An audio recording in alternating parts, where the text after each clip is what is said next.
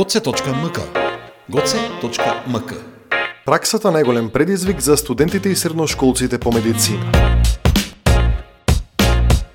Практичната настава најмногу настрадала како резултат на корона кризата кај студентите и средношколците по медицина. Ова го покажа истражувањето кога го спроведоа ГОЦМК и УГДАФМ.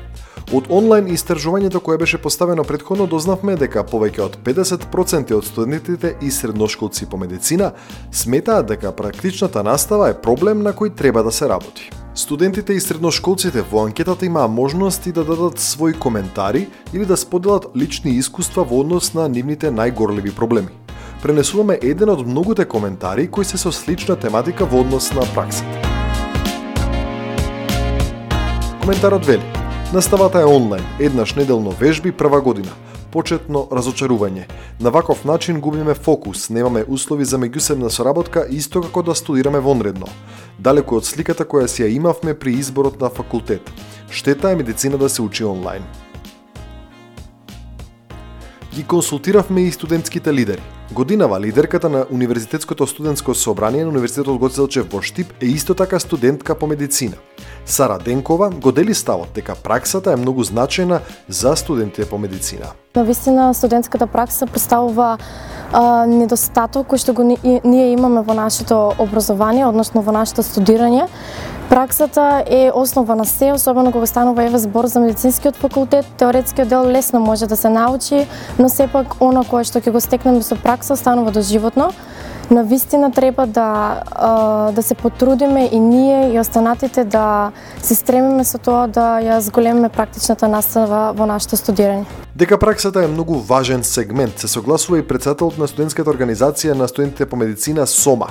СОМА е организација на студенти по медицина која ги застапува интересите на сите студенти кои се на медицинските факултети низ државата. Стефан Мишовски е председател на СОМА и студент по медицина на Универзитетот Гоцелчев целиот мој образовен процес го темелев и се уште го тежнеам врз самата медицина и се надевам дека така и ќе продолжи.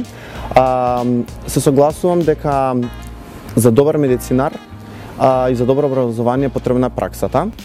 Конкретно нашиот универзитет, на нашиот факултет за медицински науки, а, храбро и несебично, несопирливо работи за реализација на квалитетни кадри, конкретно од страна на практичната а, настава.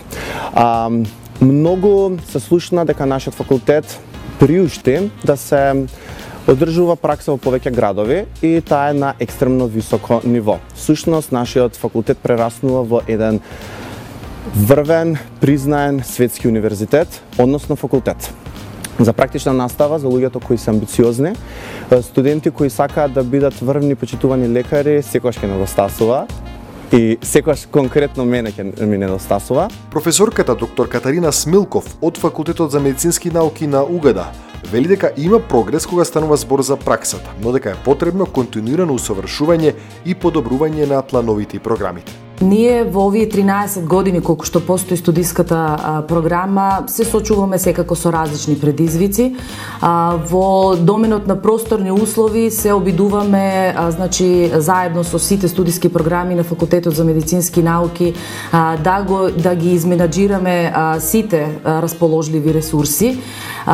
И во текот на годините имаме континуирано, нели, континуиран прогрес кој што можам да кажам дека дека а, не, нели не застанува од една страна, а од друга страна и необходно е постојано се надградува заради тоа што технолошките услови и барањата кои што пазарот на трудот и профилот сам си ги бара, се зголемуваат од ден во ден, а, така што потребно е на студентите да им се обновуваат значи различните материјали, методи кои што ги користат во својата во својата практична обука за а, за целата таа едукација да биде комплетна.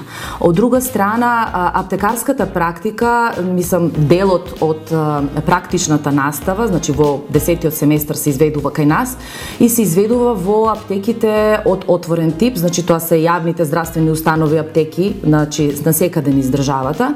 А, тука се и болничките аптеки, значи тоа е аптека од затворен тип, каде што студентите се а, запознаваат со а, вистински здравствената дејност, работата со пациенти, значи а, во живо, а од друга страна се запознаваат и со спецификите кои што ги а, има клиничката, болничката фармација и а, тој тип на препарати кои што се администрираат само во терциерно здравство. Е сега ние имаме соработка со сите големи индустрии во нашата држава, а, но заради а, регулативите не е можно студентите регуларно да одат на вежби, односно на практична настава во индустрија, туку може да се организираат само организирани посети кои што ќе бидат краткотрајни. А, иако, а, значи студентите од а, специјалистичките студии, здравствените специализации, а, секако дека имаат поразличен третман, бидејќи здравствените специализации бараат турнуси, а, така да во соработка со а, а, со индустрија нашите студенти на специјалистички студии обавуваат турнуси секако во а, овие големи а, капацитети кои што ги имаме на располагање. Короната во најголем дел придонесе за недостатокот на практична настава кај најголем дел од средношколците и студентите по медицина.